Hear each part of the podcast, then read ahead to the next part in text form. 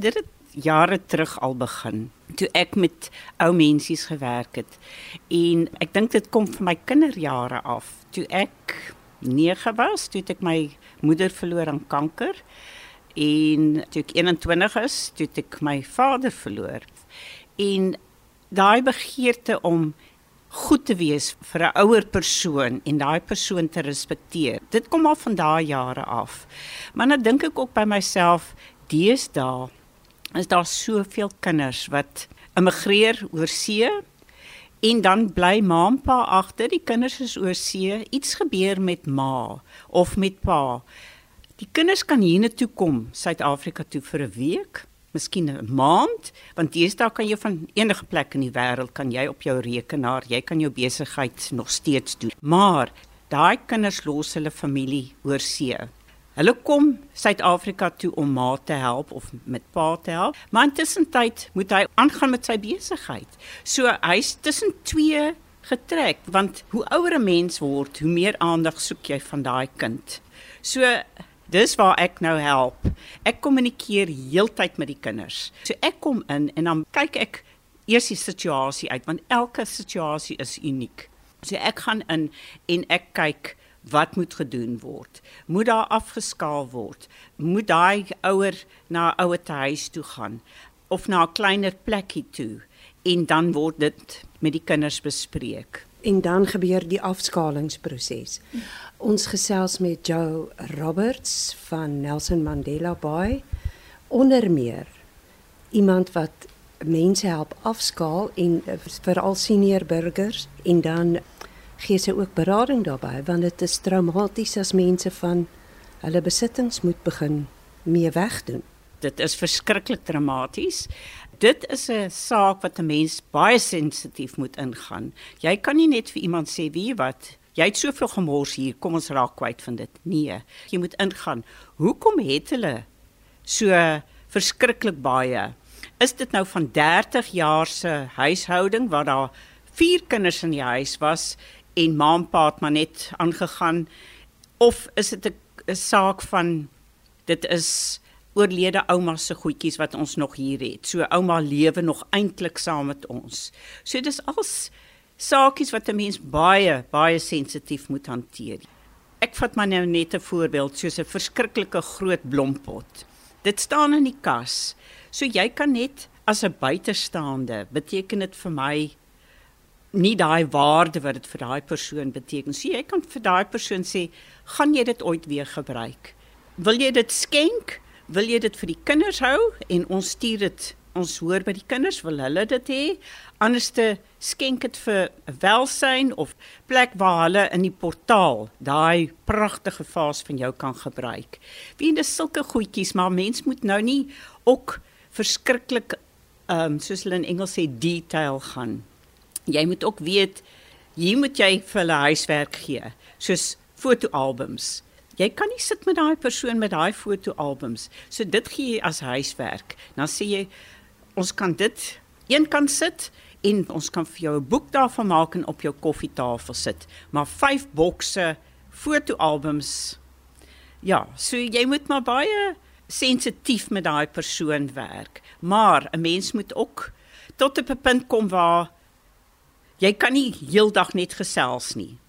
En jy kan wou nou net vra uh, Joe Roberts wat ehm um, senior burgers help afskaal in hulle huise hier in Nelson Mandela Bay om 'n bietjie van die uh, besittings af te skud.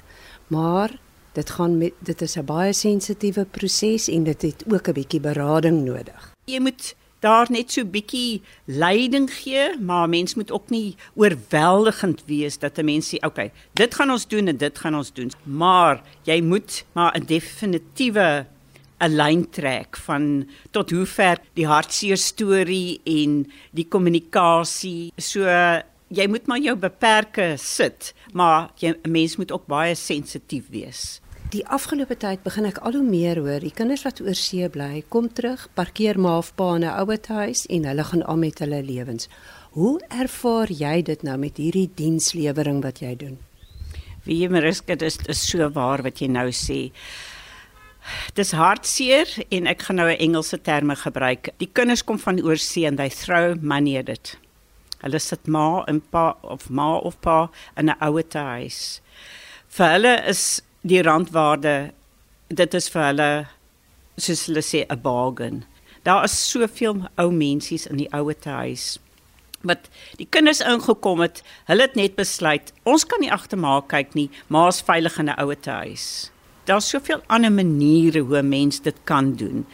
Hulle kan in 'n aftreeoord gaan waar hulle nog steeds hulle eie plekkie het, maar wat net baie kleiner is. Daar's verskriklike hartseer. Wie baie van ons ou mensies, soos hulle sê, ek is alleen. Ek gee nie om om alleen te wees nie, maar moenie van my vergeet nie. En dit is wat gebeur.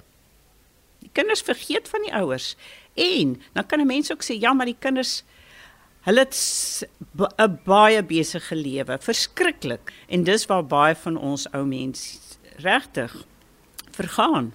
As 'n mens net kwaliteit in hulle lewe kan inbring en hulle help om af te skaal, kleiner te gaan, en partykeer is dit vir hulle geweldige verligting, want hulle het nie meer al daai verskriklike drama en druk op hulle nie.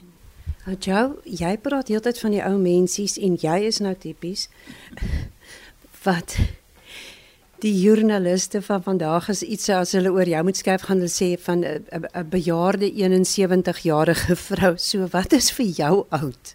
Ah, Mariska, ja. Ek dink dit is maar als ouderdom is maar net 'n nommer. Dit hang van jouself af. Solank jy jouself nog kan besig hou, kan jy aangaan. Maar dan besef ek ook in 'n oogwink kan 'n mens se lewe verander. Wie jy kan val, dan's daar baie meer beperkings. Maar ek vir my is alles nog 'n uitdaging. Ek sal dit wil doen. Ek het met my toerisme ook. Ek doen dinge wat al die toeriste wil doen. Ek gaan saam. Ek klim in daai ehm um, 4x4 daai game daar en ek gaan saam. Dis vir my belewenis. Dan nou net terug na die afskaling in die huise van senior burgers en dan die berading. Wat se emosie het jy baie mee te doen? Daar's hartseer. Daar's die skielike waar ek vat nou maar net 'n getroude paartjie waar pa altyd alles gedoen het vir ma. Nou is dit vir haar 'n geweldige geweldige alleenheid en alles is vir jou 'n verskriklike berg wat voor lê. En dit moenie wees nie ons kan dit dag vir dag, stappie vir stappie kan ons dit uitsorteer. Ek het 'n spannetjie wat saam met my werk. Daar's 'n manier ons kan dit oplos. Wat ek gewoonlik doen is ek gaan vir 3 dae in, dan gee ek vir hulle huiswerk oor die naweek. Dan sê ek vir hulle, daar's 'n hele boks briewe. Ons gaan nie deur daai briewe lees nie. Dit moet jy self doen. Daai fotoalbums. Ek sal vir jou raad gee, maar jy moet deur daai so jy moet hulle huiswerk gee, laat hulle ook betrokke is. Hulle moet daai afskeid neem, hulle moet daai besluit neem. Die besluit bly nog steeds met hulle met al hulle goedjies.